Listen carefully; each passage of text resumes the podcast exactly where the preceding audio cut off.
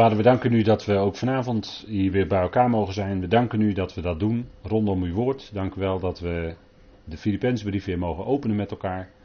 We mogen kijken naar diverse aspecten van de namen en titels van onze Heer. Vader, dank u wel dat we ook vanavond daarbij stil mogen staan. Dank u wel voor een ieder die u in de gelegenheid stelde om hier te kunnen zijn. En vader, dan denken we ook aan hen die er niet bij kunnen zijn. Wel hadden gewild, maar door lichamelijke ongemakken verhinderd zijn. Wees ook bij hen, Heer. En dank u wel dat u daarin ook de juiste weg weet. Vader, dank u wel dat we met elkaar verbonden mogen zijn. Dank u wel dat we mogen beseffen dat u het bent, Heer, die ons leidt van stap, van stap tot stap, ook door deze brief heen. En dank u wel dat het is tot onze opbouw, tot onze bemoediging. En dank u wel, Vader, dat we mogen lezen ook over de ervaringen van de apostel zelf, die voor ons tot voorbeeld zijn opgetekend. Dank u wel, Vader, dat we zo u mogen danken voor alles wat u geeft. We danken u voor het woorden die we mogen spreken vanavond. Wilt u daarin leiden door uw geest?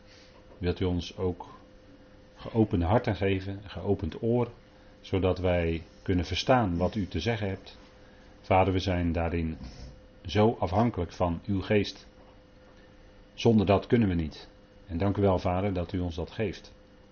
Dank u wel dat we zo met elkaar mogen nadenken over deze dingen. Geeft u daarin dat de waarheid van uw woord naar voren mag komen. En dat het boven alles uit mag zijn tot lof en eer en verheerlijking van uw naam. Vader, daar dank u voor. In die machtige naam van uw geliefde Zoon, onze Heer, Christus Jezus. Amen. Goed, wij uh, gaan met elkaar eerst even een stukje lezen uit Filippenzen 1. En dan wil ik graag met u lezen de versen 1 tot en met 6. Als eigenlijk vast gegeven voor deze avonden. En ik doe dat zoals u gewend bent uit de concordante vertaling. Paulus en Timotheus, slaven van Christus Jezus, aan al de heiligen in Christus Jezus die in Filippi zijn, tezamen met opzieners en dienaren.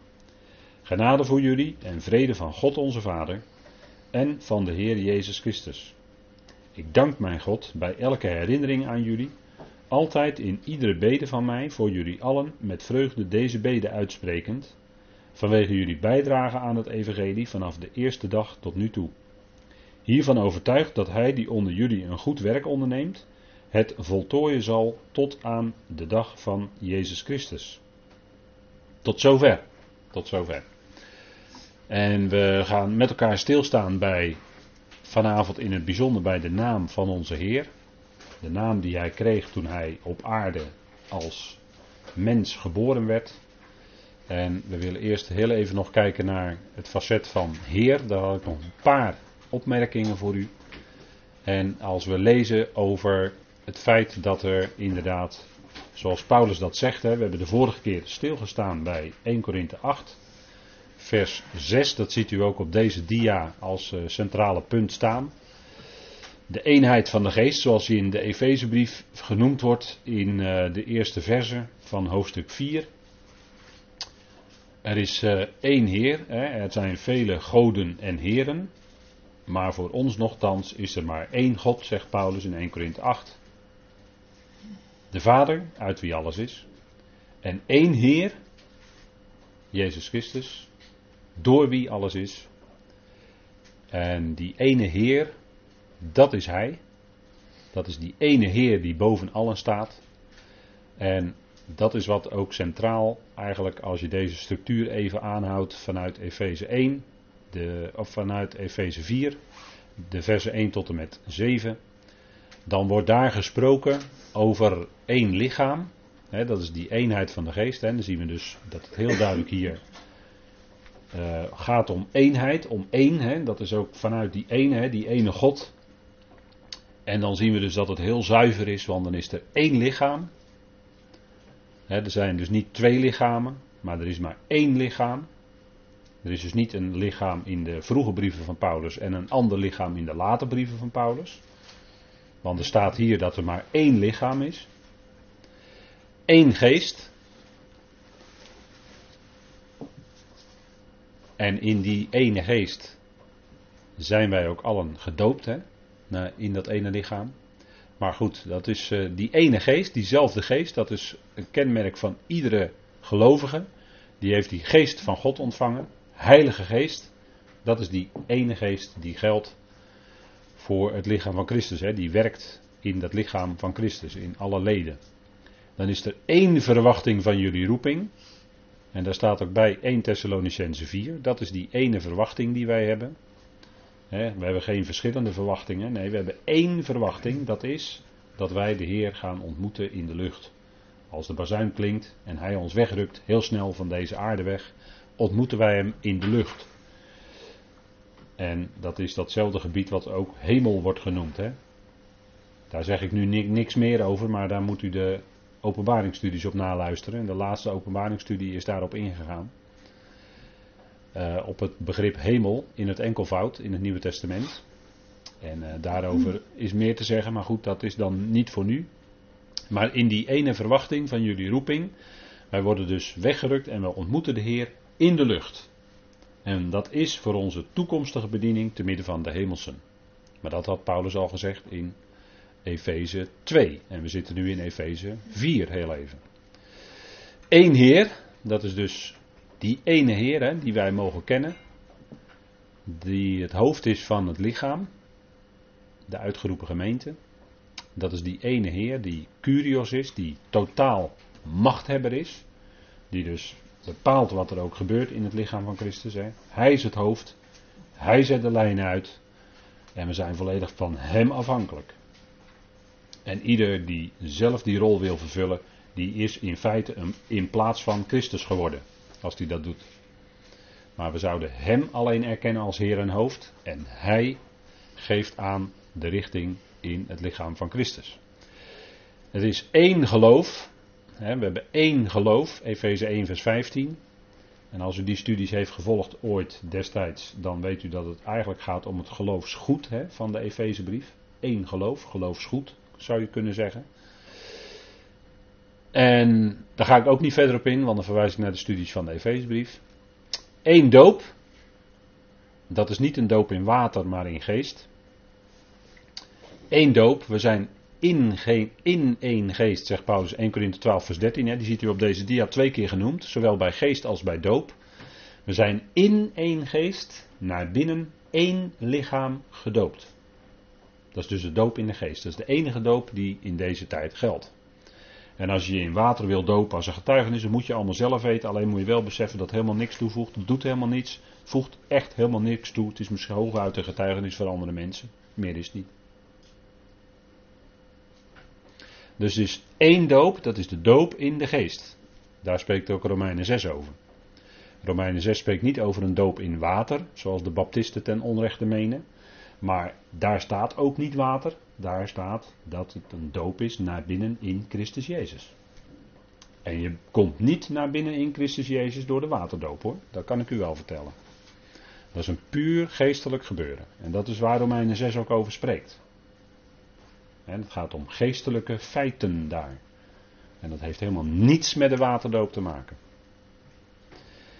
Eén God en Vader van allen, dat is de bron, hè? hij is de bron van allen.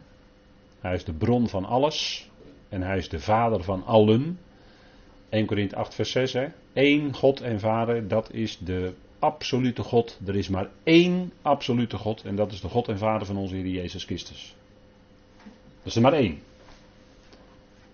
En zodra we spreken over of ons afvragen of de Heer Jezus ook God is, dan zeg ik ja en nee. Ja in relatieve zin.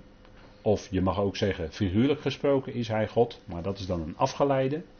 En dat is altijd onder die ene absolute God en Vader. Zo wordt hij ook God genoemd. En ik zou u hele frappante teksten kunnen noemen hoor, dat er nog wel meer zijn in de schrift die ook goden worden genoemd. Goden. Maar goed, dat gaat, voert nu ook even te ver, daar ga ik ook verder niet te diep op in. Eén God en Vader van allen, die is boven allen en hij werkt ook in allen. Hè. Dat is ook uh, een feit. Daar spreekt Filipens over, dat hij in ons werkt. En er is dus één Heer, en die staat dus centraal in dit stukje. Hè, dat is een uh, soort introversie zou je kunnen zeggen. Hè, dat is een bepaalde stijlfiguur. Eén Heer staat hij centraal. Hij is de Heer van het lichaam. Hij is ook Heer van ieder van ons. Hij is onze Heer. Hij heeft het in ons leven voor het zeggen. Hè, niet wij zelf, maar Hij. En ook niet iemand anders, maar Hij. Nou, dus die ene Heer. Dus de we, denken na over de tekst Filippenzen 1 vers 2. Het gaat om genade en vrede van God onze Vader en van de Heer Jezus Christus. via Hem komt ook die genade en die vrede naar ons toe. En we hebben al gezien dat die genade en die vrede niet zomaar een oppervlakkige groet is uit die tijd. dat is alleen maar cultuurgebonden, maar dat is de, zeg maar de simpele verklaring, de eenvoudige verklaring. Maar de geestelijke verklaring is de achtergrond, is de rechtvaardiging en de verzoening die Paulus verkondigt. Dat is de basis van de genade en de vrede, zoals hij dat in iedere brief zet. genade en vrede is vanuit het evangelie dat hij mocht verkondigen. En dat is dus ook van onze Heer Jezus Christus. Nou, Heer hebben we nu zo'n beetje behandeld. En Petrus die zei daar ook nog iets over in Handelingen 10. Toen hij bij Cornelius kwam, weet u wel. Toen uh, hij dat visioen kreeg van het laken, toen moest hij naar uh, Cornelius toe. En hij verkondigde aan Cornelius dit, onder andere, en de andere aanwezigen.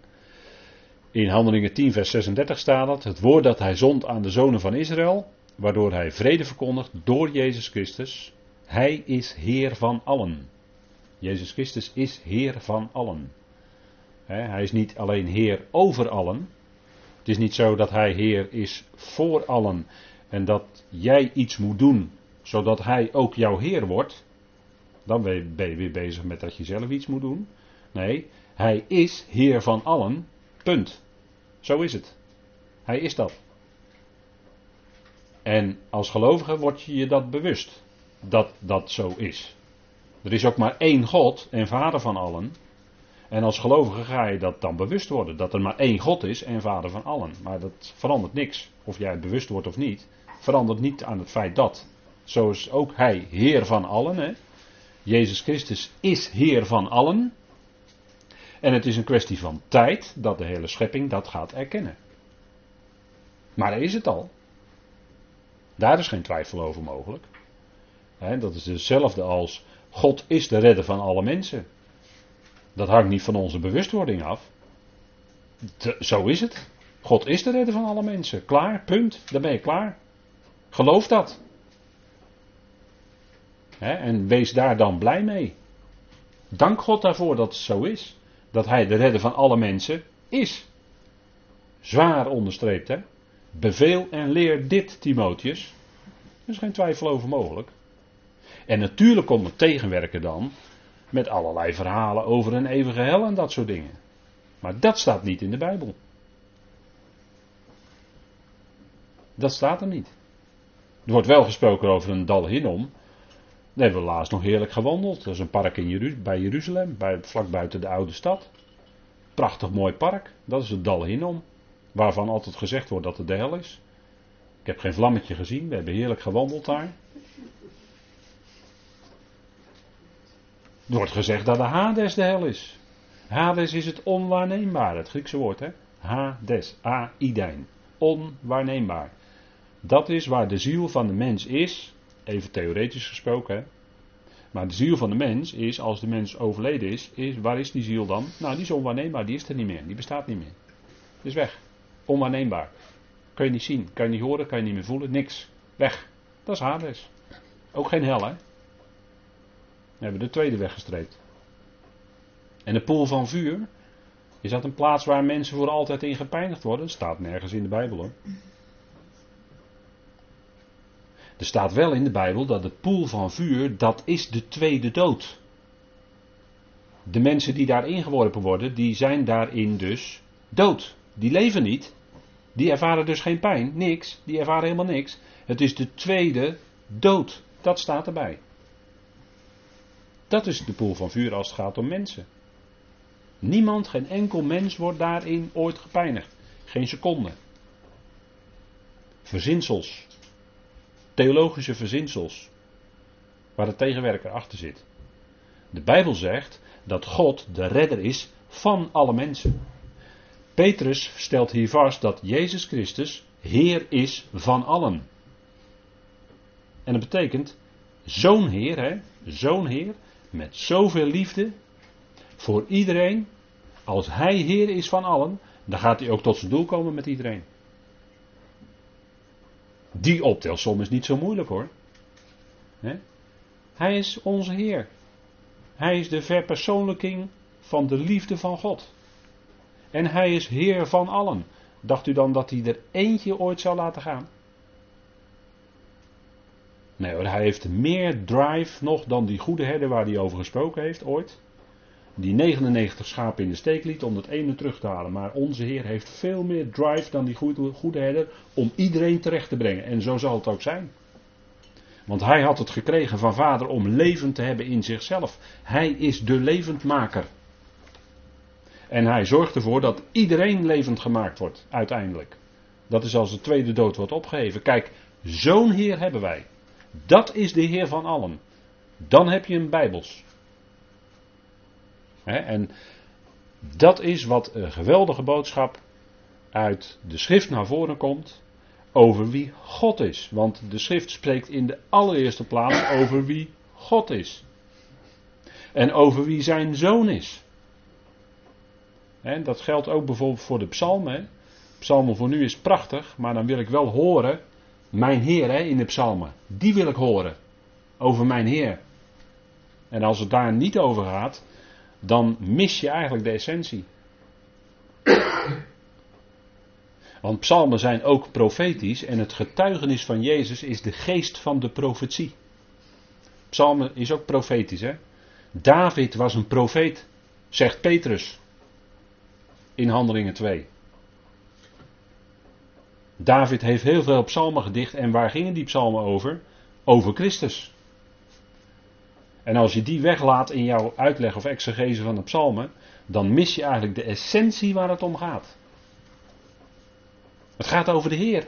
Die Heer is van allen, die Heer van jou is en van mij en van iedereen. Die kun je niet weglaten hoor, in je uitleg. Nee, die zou centraal staan. Daar gaat het om. en uh, Petrus stelt vast dat hij Heer van allen is. Op Pinksterdag zei hij in Handelingen 2 dat God hem tot Heer en tot Christus heeft gemaakt. Deze Jezus die jullie, zegt hij tegen zijn eigen volk, gekruisigd hebben. Handelingen 2 vers 36. Iets in die buurt. Ik weet niet helemaal zeker. Maar u kent die uitspraak wel, hè? Die toespraak van Petrus. Want daar ging het op aan, hè? Daar ging het op aan. Dat hij gekruisigd is geworden. En dat hij is opgewekt uit de dood. Wat is het evangelie? Nou, dat Christus is opgewekt uit de dood. Dat hij gekruisigd is en niettemin opgewekt door de Vader. Dat is, dat, is de, dat is de essentie van het evangelie. En daarom komt Petrus hier zeggen, vol vreugde, hij is Heer van allen. Want God heeft hem tot Heer en tot Christus gemaakt. Deze Jezus die jullie gekruisigd hebben. En dat prikt in hun hart natuurlijk.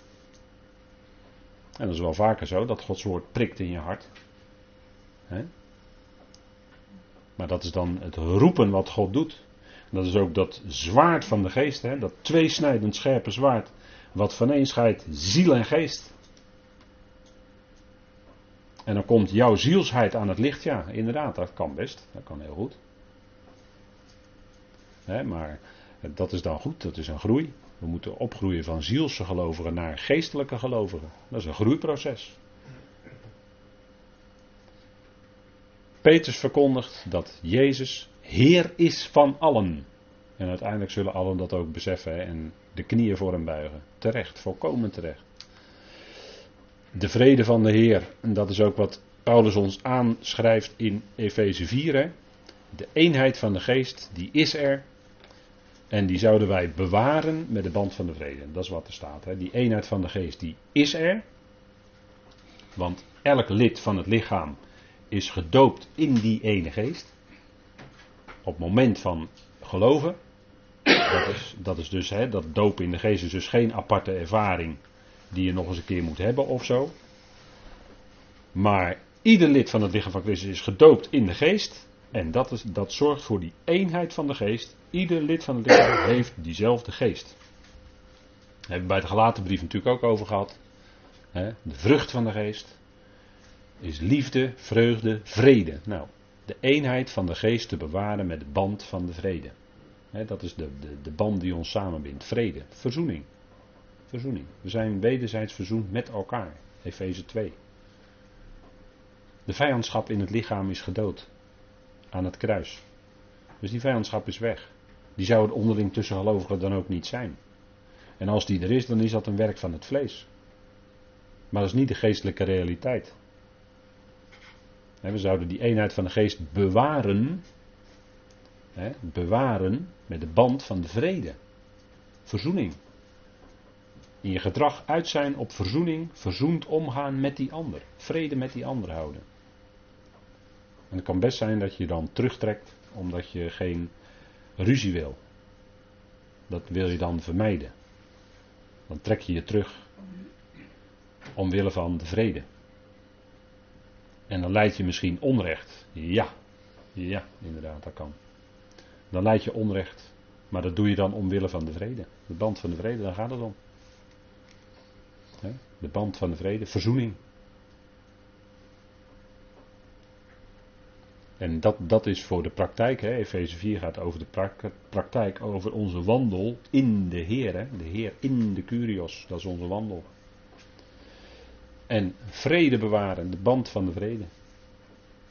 we zouden er altijd op uit zijn om die vrede te bewaren.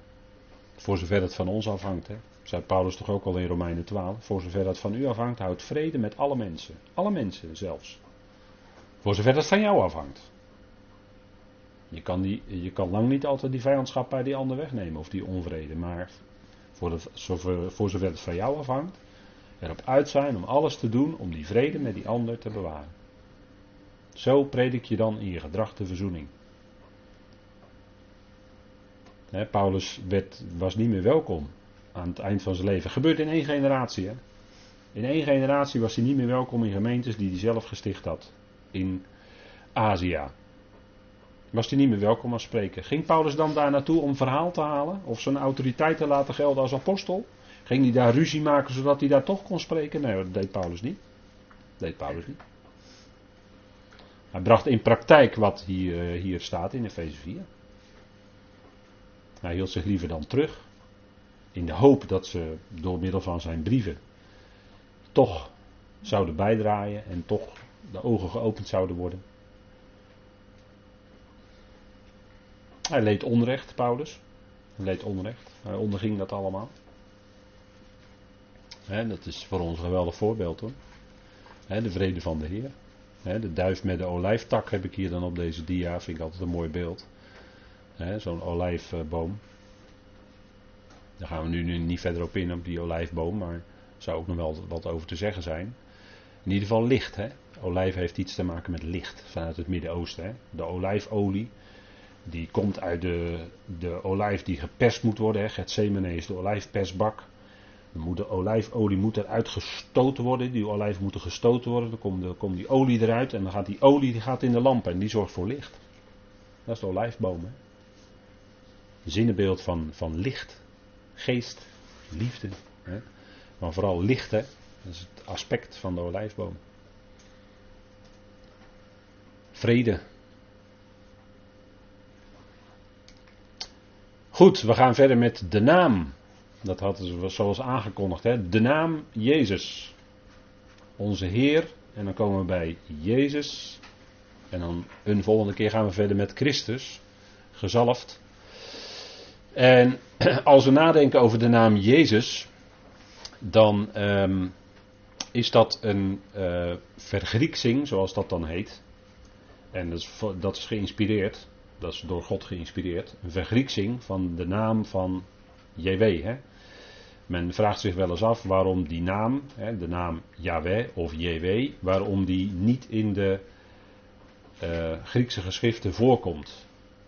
of uh, eigenlijk niet wordt genoemd. Uh, de Joden, zoals u weet, die spreken de naam niet uit, omdat ze dan bevreesd zijn dat ze de naam van de Heer in, eh, eh, om niet hè, of te vergeef zouden gebruiken. Hè, leeg zouden gebruiken, zoals in de wet staat. En daarom spreken ze maar helemaal niet uit. Nou, dat staat niet in de wet. Hè. In de wet staat dat je de naam van de Heer niet leeg, niet ijdel zou gebruiken. Maar je mag wel gebruiken.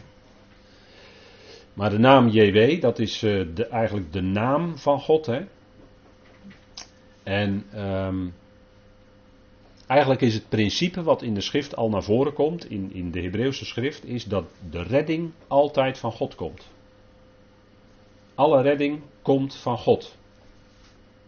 Dat is eigenlijk wat bovenaan staat. En dat blijkt ook hier uit deze psalm. Ik heb een tekst gekozen uit psalm 3. En daar staat de redding aan de Heer, voor uw volk uw zegen. Psalm 3 vers 8. En daar heb ik even uitgelicht op deze dia in Hebreeuwse letters aan JW. Van rechts naar links moet u dan lezen. Hè? Bij Hebreeuws gaat het gelijk goed. Ga je van rechts naar links. Aan JW, hè? le JW. De, de eerste letter is de lamet. Le JW, de redding. Ha Joshua. En dan hoort u al bijna de naam van onze Heer, hè? als ik dat zo uitspreek.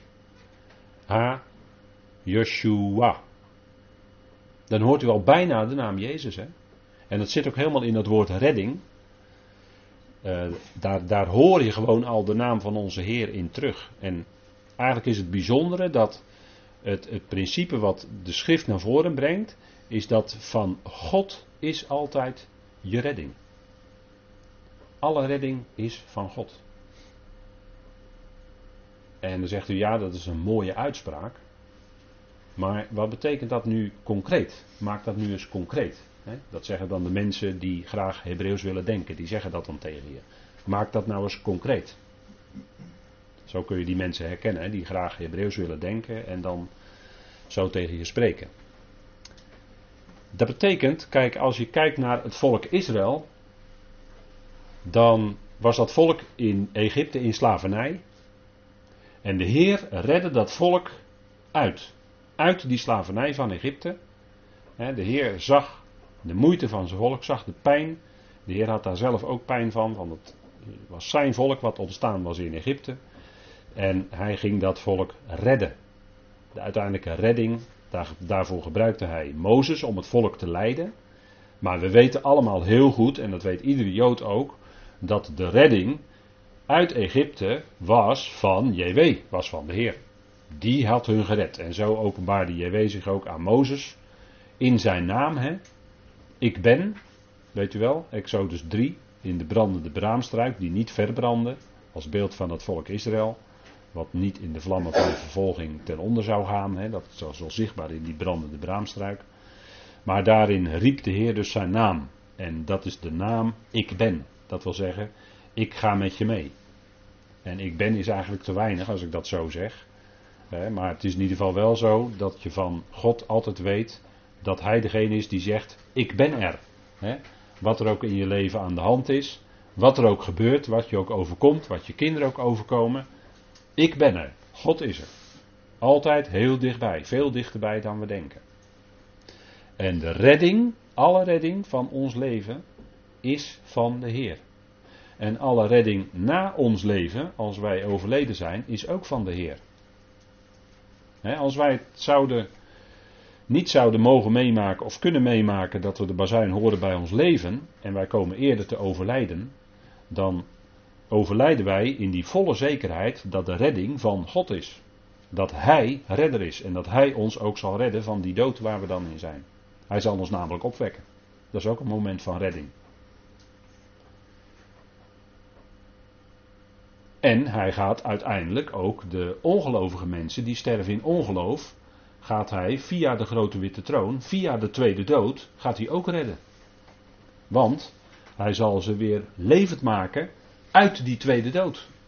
Als hij de tweede dood buiten werking stelt, hè, als laatste vijand. Dan zal hij allen die daarin zijn op hetzelfde moment redden, want zij worden dan levend gemaakt. Dat is ook redding. En die redding kan alleen maar komen van God. En het gold zelfs voor onze Heer Jezus Christus zelf. Hè? Toen hij gedood was aan het kruis, toen hij in het graf lag, was hij volkomen afhankelijk van de redding die God zou geven. En God gaf die redding, dat had hij beloofd, dus dat doet hij ook. Maar God gaf die redding. Dat is misschien wel vreemd hoor, om dat zo te zeggen. Voor, voor u als ik dat zo zeg, maar zo was het wel. Hij was dood in het graf. En hij was niet in staat daar zelf uit te komen.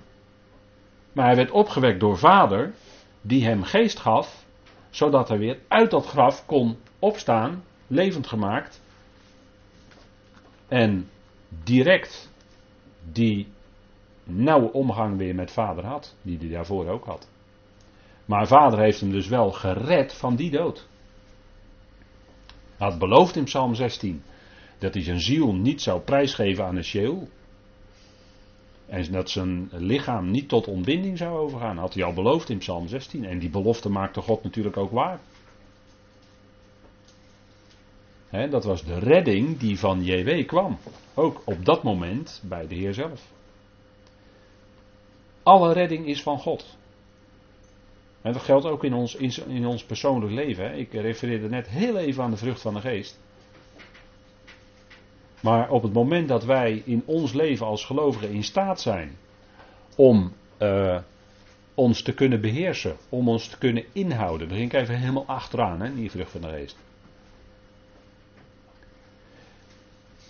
Iedere keer als wij in staat zijn om ons te kunnen inhouden, om onszelf, hè, wij zeggen dan om onszelf te kunnen beheersen, dan is dat geen prestatie van onszelf.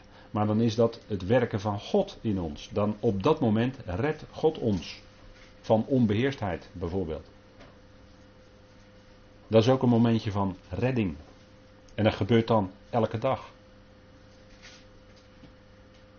Zo is God onze redder hoor. Dat is niet alleen na, na, eh, aan het eind van ons leven.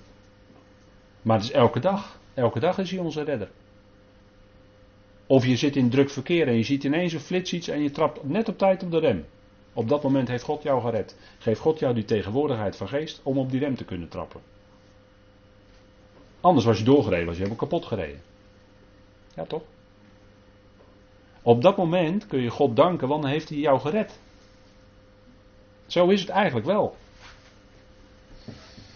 En kan je zeggen, ja, ik had de tegenwoordigheid van geest dat. Ja, oké, maar wees God daar dan dankbaar voor dat je dat had. als je maar iets kan verstaan van het evangelie, dan is dat omdat God jouw hart heeft geopend. En omdat God jou dan redt van een andere weg. dus je hebt helemaal, als mens heb je helemaal niets te vertellen hoor. En het breekt de hoogmoed van de mens in hoog tempo af hoor, deze dingen. Als je, als, dit, als je dit gaat verstaan. Dan blijft er namelijk helemaal niets van jezelf over. Maar dat is het geweldige. De boodschap van de schrift is dat God redder is. De redding aan JW staat hier. Le JW, de redding. En die lammet, dat is eigenlijk een hele mooie letter. Dat is hier, ja, je moet dat dan in Nederlands vertalen met aan, of tot. Maar Lamet, dat was eigenlijk de herderstaf. Dat is de tweede letter van Al, hè, van God. De onderschikker. Alef, Lamet, dat is de onderschikker. Dat is de betiteling van God.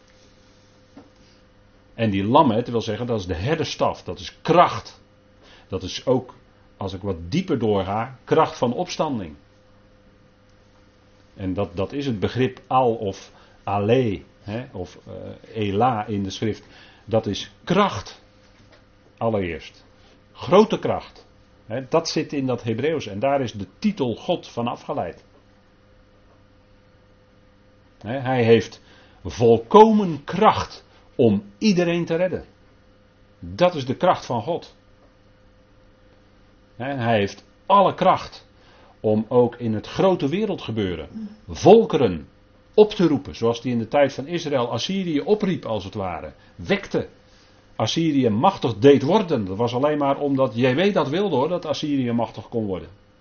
En dat, en dat daarna Babel machtig werd. Kon alleen maar omdat JW dat wilde dat Babel machtig werd. En de mogelijkheid gaf. en de koningin Nebukadnezar. Die at gras bij de dieren. En na verloop van tijd, hè, na zeven tijden staat er dan in Daniel 4, keerde zijn verstand in hem terug. Maar wie gaf hem zijn verstand terug? Dat was God. Die redde hem van die weg tussen de dieren. En toen loofde koning Nebukadnezar de God van de hemelen en hij zei dat hij het is, God, die God van de hemelen, de God van Daniel, dat hij het is die koningen aan en afstelt. En niemand anders. En als je dat dus erkent met je hart, dan loof je, eer je en prijs je God. Want dan erken je God als God. Als plaatser. En, en hij is redder. Hij, God is liefde. Hij is redder. Hij redt ons in ons dagelijks leven. In allerlei grote en kleine dingetjes. Maar het ontgaat je. Je leeft er zo makkelijk langs. Maar dank God voor die kleine momenten van redding. Voor die grote momenten van redding.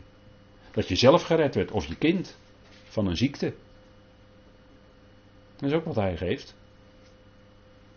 en, en, en dat is eigenlijk wat Israël ook al erkende, wat ze elke keer vieren bij de sedermaaltijd, de uittocht uit Egypte.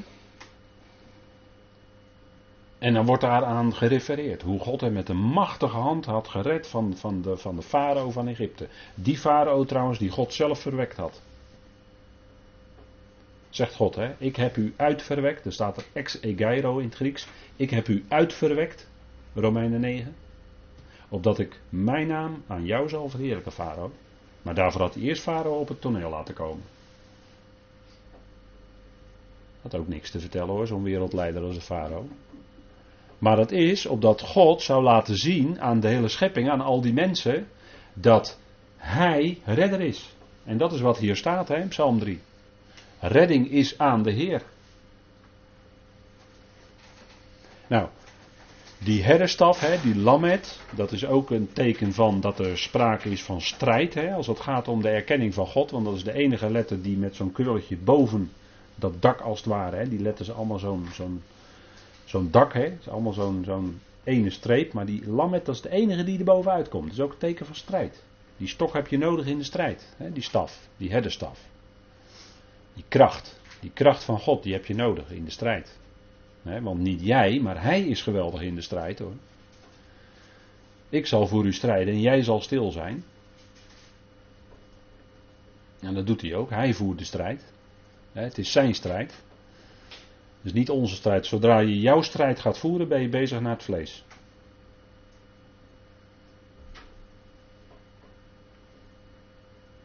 Maar het is zijn strijd. En hij geeft de overwinning die hij behaald heeft. En dat is ook redding als hij de overwinning geeft. God zij dank die ons de overwinning geeft door onze Heer Jezus Christus. Daar eindigt 1 Korinthe 15 mee. Broeders, wees standvastig, onwankelbaar. Altijd overvloedig in het werk van de Heer. Wetend dat je arbeid niet te vergeefs is in de Heer. En ook al is het ploegen op de rotsen. Ook al is het zaaien met tranen. Ook al is het als een Apollos water geven met tranen. Maar God geeft uiteindelijk de overwinning. Die zaaier, de, een, een zaaier hoeft zich niet om te bekommeren of zijn zaad opkomt. Nee, God geeft de groei. God geeft de groei. Zo is het. Hij geeft wat nodig is. En als je betrokken bent in het werk van de Heer, dan doe je gewoon je werk van de Heer. Want je weet dat het het werk van de Heer is. Het is niet jouw werk. Dus het is ook niet jouw strijd. Het is de, de strijd van de Heer. En daarom hoeven wij ook nooit aan te vallen. We mogen verdedigen. Daarvoor hebben we die wapenrusting. Om te blijven staan. Niet om aan te vallen, om te blijven staan. Dat staat er hè, in Efeze. Keer of 5, 6. Dat woord staan. De redding is van JW. Hè? Dat is luid en duidelijk de boodschap van de schrift. En daarvoor kunnen we hem dagelijks op onze knieën danken. Nou, dan gaan we naar de naam van onze Heer toe. En dat is eigenlijk een samenvoeging van het Hebreeuwse woord redden, dat is Yasha. Jot, Shin, Ayin. Voor degene die het eh, misschien later naluistert. Maar het staat ook op de dia uitgeschreven. En JW, dat is de naam van God. Hè? Ik ben, dat is eigenlijk een samenvoeging van verschillende werkwoordsvormen van hetzelfde werkwoord. Hè? En wordt, je kan dat vertalen met wordt, zijn, de, was. Dus er zit zowel iets toekomstigs in, als nu, als iets in het verleden. hij die was, die is er vandaag ook. Ik ben. Andere vertalingen zeggen dan, ik zal zijn. En ook dat is niet verkeerd. Maar het zit, alles, alles zit erin. Hè? Hij is de God die met zijn volk meetrok. JW. Wordt zijn de was. Dat is eigenlijk de meest gecomprimeerde vertaling die je van de naam kan geven. Dat is een geweldige naam, want ja, dat is de naam van God zelf. Hè? En men zegt dan, dat is de naam in, dat is zijn naam, en dat drukt het aspect van tijd natuurlijk uit. Hè? Dat hij ook de God is in de tijd. Hè?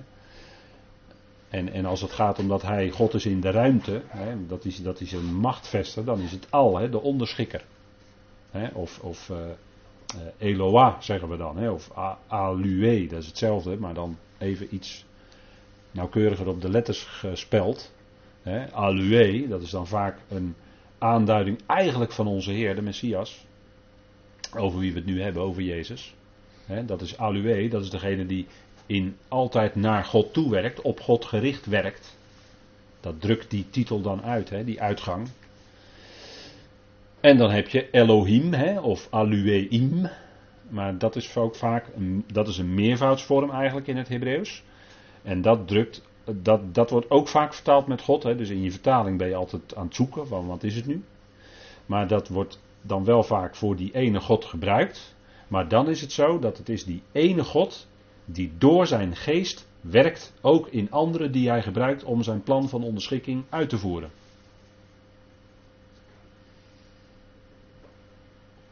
dus dat, dat, is even een verklaring van die meervoudsvorm. de meervoudsvorm Elohim of Alueim is er om te laten zien dat hij door zijn geest ook in anderen werkt, zoals zijn zoon. En anderen, Israël, de gemeente, door zijn geest daarin werkt om dat plan van onderschikking uit te voeren. En als we even kijken naar de naam van onze Heer, dan betekent dat eigenlijk dat JW redder is. Hè? Dus als je uitspreekt de naam Jezus, dan spreek je eigenlijk uit JW of Yahweh is redder. Of als je heel nauwkeurig bent, zal redder zijn. Ik ben nog ietsje nauwkeuriger op het Hebreeuws. En dat is eigenlijk de verklaring waarom de naam JW in de Griekse schrift niet voorkomt. Uh, ja, hij komt eigenlijk wel voor, maar dan in de naam Jezus. Daar komt hij eigenlijk in naar voren. Hè. Of JW is redder. En dan komt hij wel meer dan duizend keer voor. Dus die naam is helemaal niet weg, maar die zit daarin. Hè. Dat is natuurlijk een geweldige boodschap. En dan kun je ook zeggen dat Hij, onze Heer, het evangelie is. Hij is die goede boodschap. Onze Heer zelf is dat goede nieuws natuurlijk. Namelijk dat JW redder is. Dat God redder is. Dat God tot en met hè, uit en te treuren al laten zien in zijn eigen geliefde zoon. Dat hij redder is. En zo kunnen we ook zijn zoon zelf zelfs redder noemen. Zo wordt hij ook genoemd natuurlijk. De Heer Jezus Christus is ook redder. Ja, natuurlijk. Hij laat zien wie God is, wie vader is aan de schepselen, aan de schepping. En als zodanig kunnen we hem ook redder noemen. dus hij is, je kan ook zeggen, hij is mijn redder. Ja, klopt. Klopt helemaal. Hij heeft alles voor jou gedaan. Hij is jouw redder. En dat is natuurlijk geweldig. We hebben onze knieën gebogen ooit in ons leven voor het eerst. En daarna steeds weer voor hem als onze redder. Dat is natuurlijk geweldig. dan ben je tot die erkenning gekomen. in het Hebreeuws is dat eigenlijk de naam Jehoshua. Die heb ik hier op deze dia ook even uitgeschreven. Jehoshua. En dat is eigenlijk, eigenlijk zal zijn redder.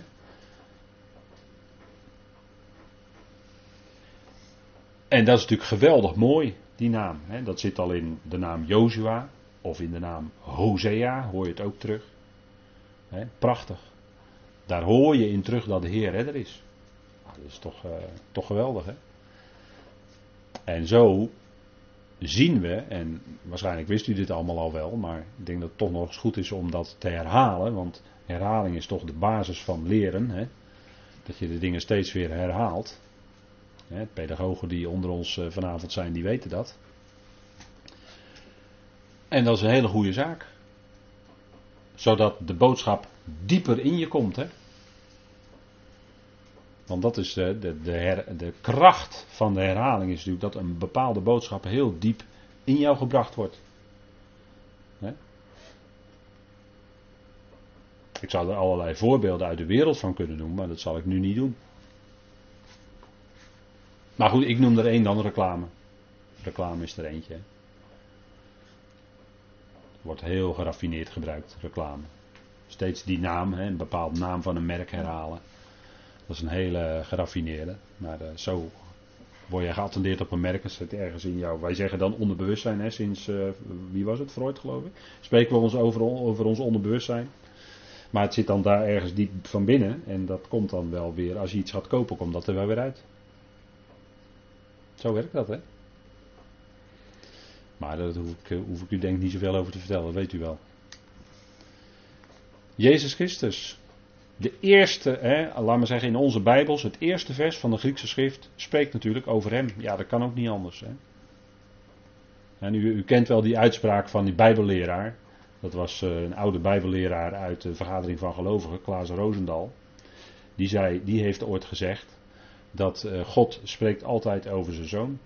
Nou, als je zo'n zoon hebt, dan is het niet zo gek, hè? dan wil je eigenlijk altijd over hem spreken.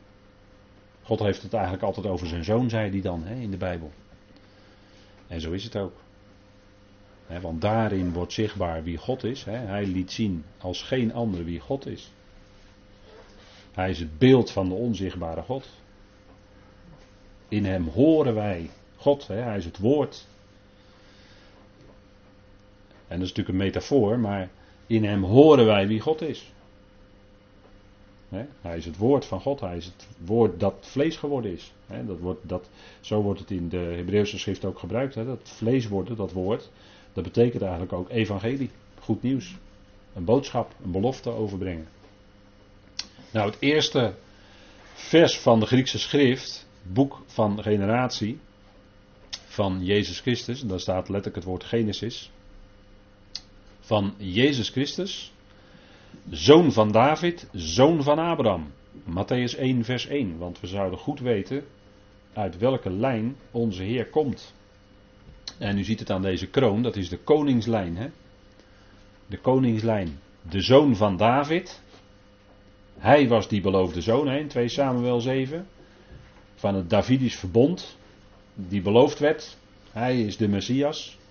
Die beloofd werd. Zoon van David.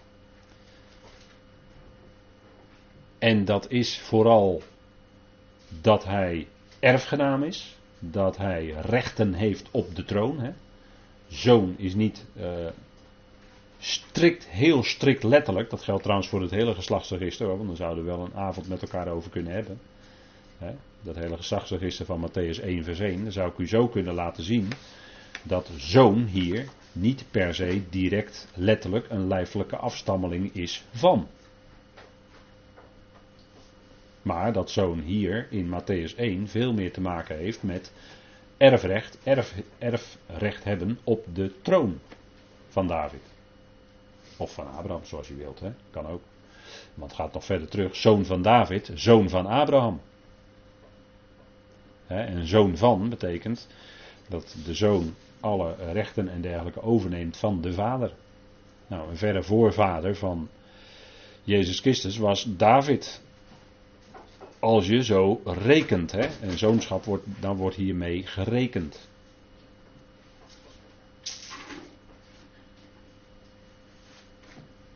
En ja, nee, ik, ik laat het bij dit aspect liggen, want anders zou het te, te ver voeren de andere kant op. Maar dit gaat om de koningslijn. Jezus Christus is dus de zoon van David. Recht op de troon van David. En zoon van Abraham. En daarom eigenlijk ook recht op het lotgenieten van de hele wereld. Hè? Want Abraham was lotgenieten van de wereld, staat ook in, verderop in Romeinen. Paulus spreekt daar ook over in de Romeinenbrief. In het evangelie van God. En dan later heb ik even iets weggelaten om even de kernen hieruit te nemen. Maar u weet dat er tussen haakjes nog het nodige gezegd wordt. Dat, maar dat laat ik nu even voor nu heel even weg. Evangelie van God. Dat mocht Paulus brengen ten aanzien van zijn zoon. die overeenkomstig het vlees geworden is uit het zaad van David. Paulus is heel nauwkeurig hoor. dus naar het vlees uit het zaad van David. Dus hij was waarachtig mens. En hij is bewezen Gods zoon te zijn in kracht, overeenkomstig de geest van heiligheid, door opstanding van doden. Dus naar zijn geest bleek dat hij verwekt was door Heilige Geest. Maar het wordt wel degelijk heel duidelijk vastgesteld dat hij naar het vlees, overeenkomstig het vlees, geworden is uit het zaad van David. Dat is heel belangrijk dat het vastgesteld wordt. Omdat hij A recht heeft op de troon van David en B dat hij daadwerkelijk mens was. Geboren uit de mens. De lijn van David.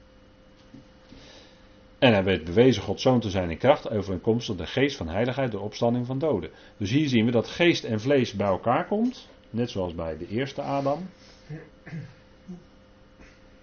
En die werd een levende ziel.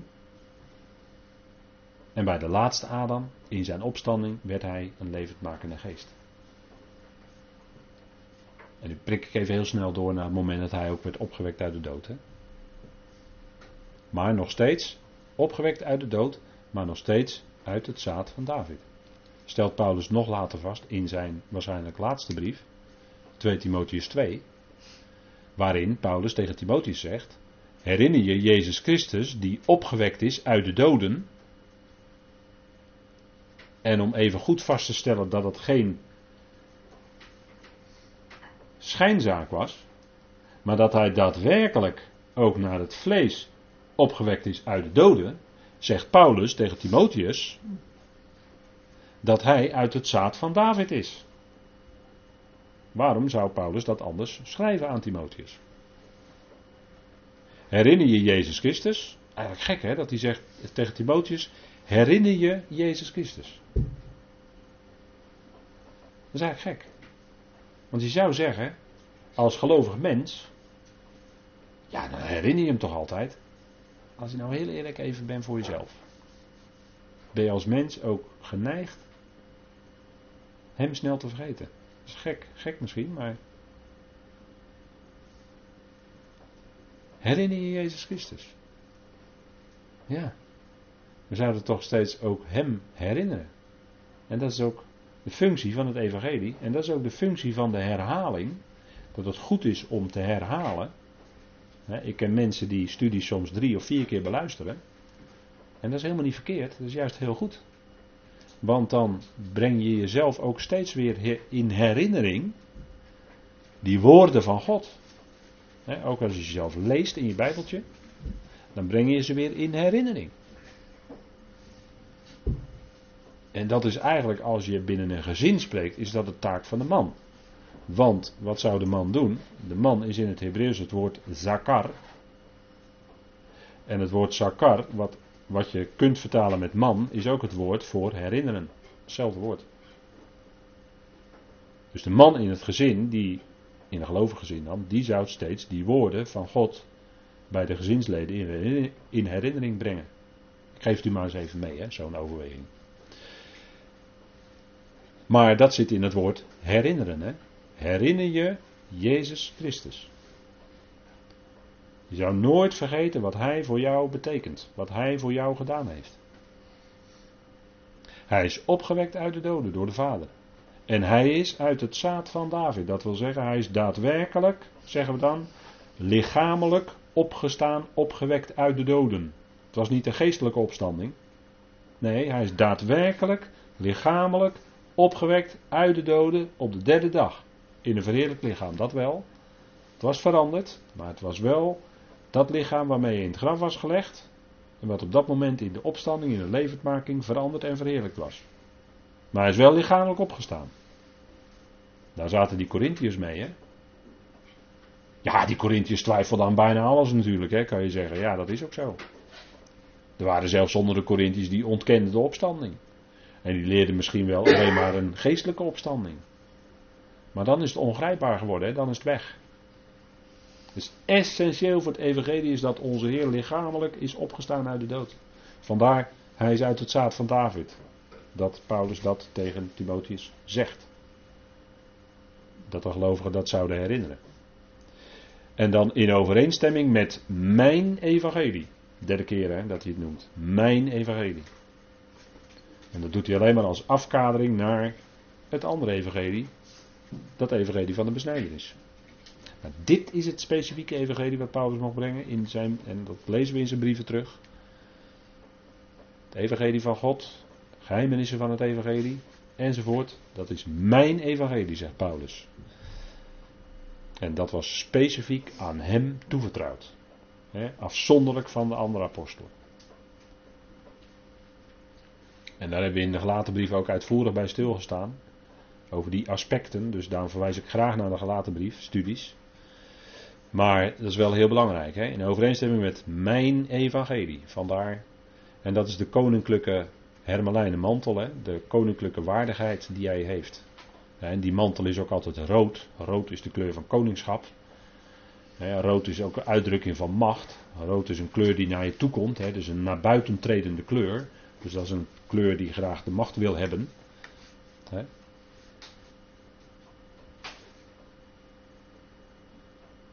Ze noemen dat ook wel een expanderende kleur. Hè? Dus een kleur die naar buiten treedt. De, kleur van macht, rood. Zo heb je natuurlijk allerlei aspecten met blauw en wit en uh, noem maar op. Maar daarom is een koningsmantel specifiek rood gekleurd. Dus dat is de koningslijn. Hij is uit het zaad van David. En bij zijn geboorte lezen wij over hem dat Jozef en Maria hem de naam Jezus moesten geven. En toen kwam, we het even met elkaar lezen. Toen kwam de Heer naar Jozef in een droom.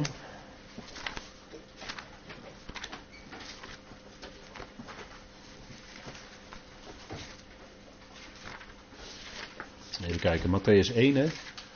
Matthäus 1.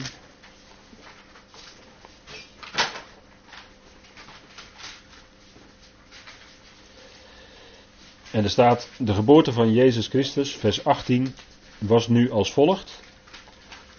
Terwijl Maria, zijn moeder, met Jozef in ondertrouw was, bleek zij, nog voordat zij samengekomen waren, zwanger te zijn uit de Heilige Geest. En Jozef, haar man, wilde haar onopgemerkt verlaten, omdat hij rechtvaardig was en haar niet in het openbaar te schande wilde maken. Terwijl hij deze dingen overwoog, zie, een boodschapper van de Heer verscheen hem in een droom. En zei: Jozef, zoon van David, wees niet bevreesd Maria, uw vrouw, bij u te nemen, want wat in haar ontvangen is, is uit Heilige Geest. En zij zal een zoon baren, en u zult hem de naam Jezus geven, want hij zal zijn volk redden van hun zonde. Daarom moest hij die naam krijgen. Hè? Dus hij kreeg de naam Jezus en er wordt direct het redder zijn aan vastgekoppeld, hè? lezen we hier. Hij zou zijn volk redden van hun zonden. En als we nou kijken wat, wat dan daar onder andere mee bedoeld wordt, hè, zijn volk, was allereerst het Joodse volk. En dan bedoel ik de twee stammen eigenlijk, want hij kwam uit Juda. Maar hij zou zijn volk redden van hun zonden. Nou, zonden van dat volk waren in die tijd uh, de zonden van, van onder andere hoogmoed. Hè. Zij stelden zich hoogmoedig op tegenover andere volkeren. Hè, ze hadden de wet. Er stond duidelijk in hoe ze moesten leven, hoe ze moesten zijn. Maar ze waren niet te min hoogmoedig, want ja, zij hadden toch maar die wet ontvangen. En de andere volken hadden dat niet. Dan zie je dat, hoe, dat, hoe dat dan bij een mens kan uitwerken. Bij dat volk werkte dat ook zo uit. Hè. Zij meenden dat zij een leidsman waren van blinden, hè, dat volk, de leiders van dat volk. Hè, dat zij andere volkeren moesten leiden. En zij beschouwden andere volken als blind en ze hadden niet door dat ze het zelf waren. Vandaar dat de Heer ook in de bergreden tegen hen zei: van uh, als je nou de balk in een ander zijn oog ziet, haal je eerst die splinter uit je eigen oog. Hè, of andersom was het geloof ik. Hè? Ja. Want we zijn altijd heel goed om uh, hele kleine dingetjes, hè, hele kleine foutjes bij anderen te herkennen en dan uh, dat te gaan uitvergroten. Dus dan zei de Heer in de bergreden: joh, als je nou een splinter bij iemand anders in zijn oog ziet, haal eerst die balk uit je eigen oog. Daar moet je maar eens over nadenken. Hè? Als je nou bij de ander iets ziet, hoe zou dat nou komen? Maar dat was onder andere de zonde van hoogmoed. En wat dacht u van bedrog? Bedrog onder dat volk. Speelt ook een rol hoor. He? Anderen benadelen met geld en zo. Bedrog. Was ook onder het volk aanwezig. Waarom had Judas de kas? Hij wil wel even verduidelijken hoor wat ik bedoel. Waarom had Judas de kas? Waarom heette die Juda? Met de kas, met het geld. Waarom denkt u wat het was? En zo zaten al die zonden waar we die in de wet verboden waren, die zaten ook in het volk. Dat was daar gewoon allemaal aanwezig. Dat zag de Heer natuurlijk ook al later allemaal. En daar leed hij onder.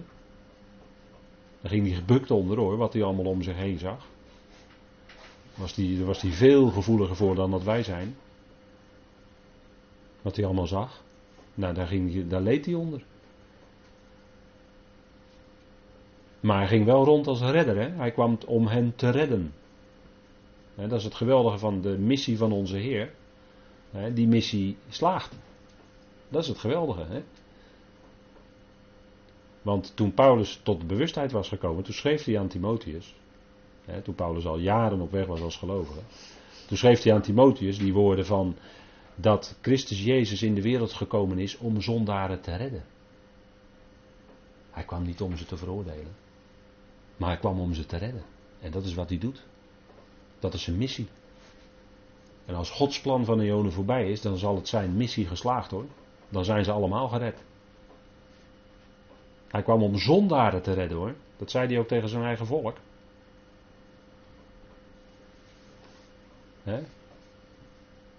Die fariseeën en schriftgeleerden, die beschouwden zichzelf rechtvaardig. En hij zei tegen hen, ja jullie beschouwen jezelf als rechtvaardig, maar ik ben gekomen om zondaren te redden. En degene die dat erkenden van zichzelf dat ze het waren, die, gaan, die kwamen ook naar de Heer toe. maar de rechtvaardige fariseeën en schriftgeleerden, die gingen met hem discussiëren. Die gingen met hem discussiëren. Hoe ze hem op een woord konden vangen. En ja, goed, de Heer kon het zeggen. Ik kan die woorden van de Heer wel herhalen hoor, hoe hij ze noemde. Hij kon het zeggen. Maar hij nam af en toe geen blad voor de mond hoor. Wat denkt u van andere gebroed? Dat zei Johannes ook.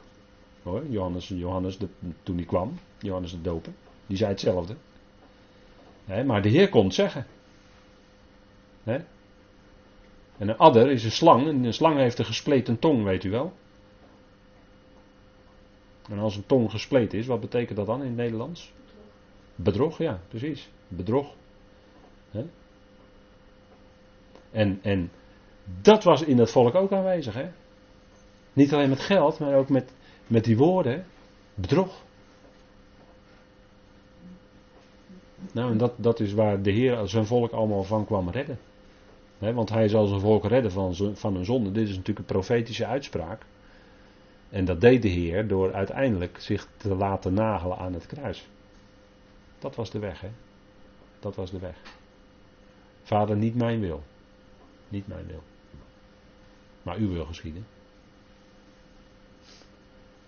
En dat is wat de Heer kwam doen. En daarom moest hij ook Jezus heette. Yahweh is redder. Dat zou hij als geen ander laten zien aan het volk. En later zullen ze zien wie ze doorstoken hebben. Ze zullen zien dat ze hun Heer doorstoken hadden. De stammen van het land zullen weeklagen ze. Weeklagen ze zullen zich op de borst slaan. Want ze zullen zien dat Hij het is. Hun Yahweh, hun redder hebben ze aan het, aan het hout genageld. Hij die kwam om, om te redden. Ja, dat wordt nog een moment hoor in de toekomst. Als dat gaat gebeuren, hè. Zacharia. Over herinneren gesproken. Zacharia betekent ja, dat is heel mooi, die naam. Ja, dat is afkorting van Yahweh. Ja herinnert zich. Zakar. Ja. Hebben we weer dat herinneren. Kijk, wij zijn misschien wel een heleboel beloften vergeten die God gedaan heeft, maar hij vergeet ze niet. Hij maakt ze waar hoor, ook al waren wij ze al lang weer vergeten. En dat is ook met, met de bazuin, hè, 1 Thessalonicense 4. Een hoop mensen hebben dat weggeredeneerd. Of zijn het vergeten dat hij dat gezegd heeft. Ja, maar hij, hij is niet vergeten hoor. Dus dat gaat wel gebeuren. Wat dacht je wat? Nou, laten we dan maar even een bak koffie gaan drinken. Want...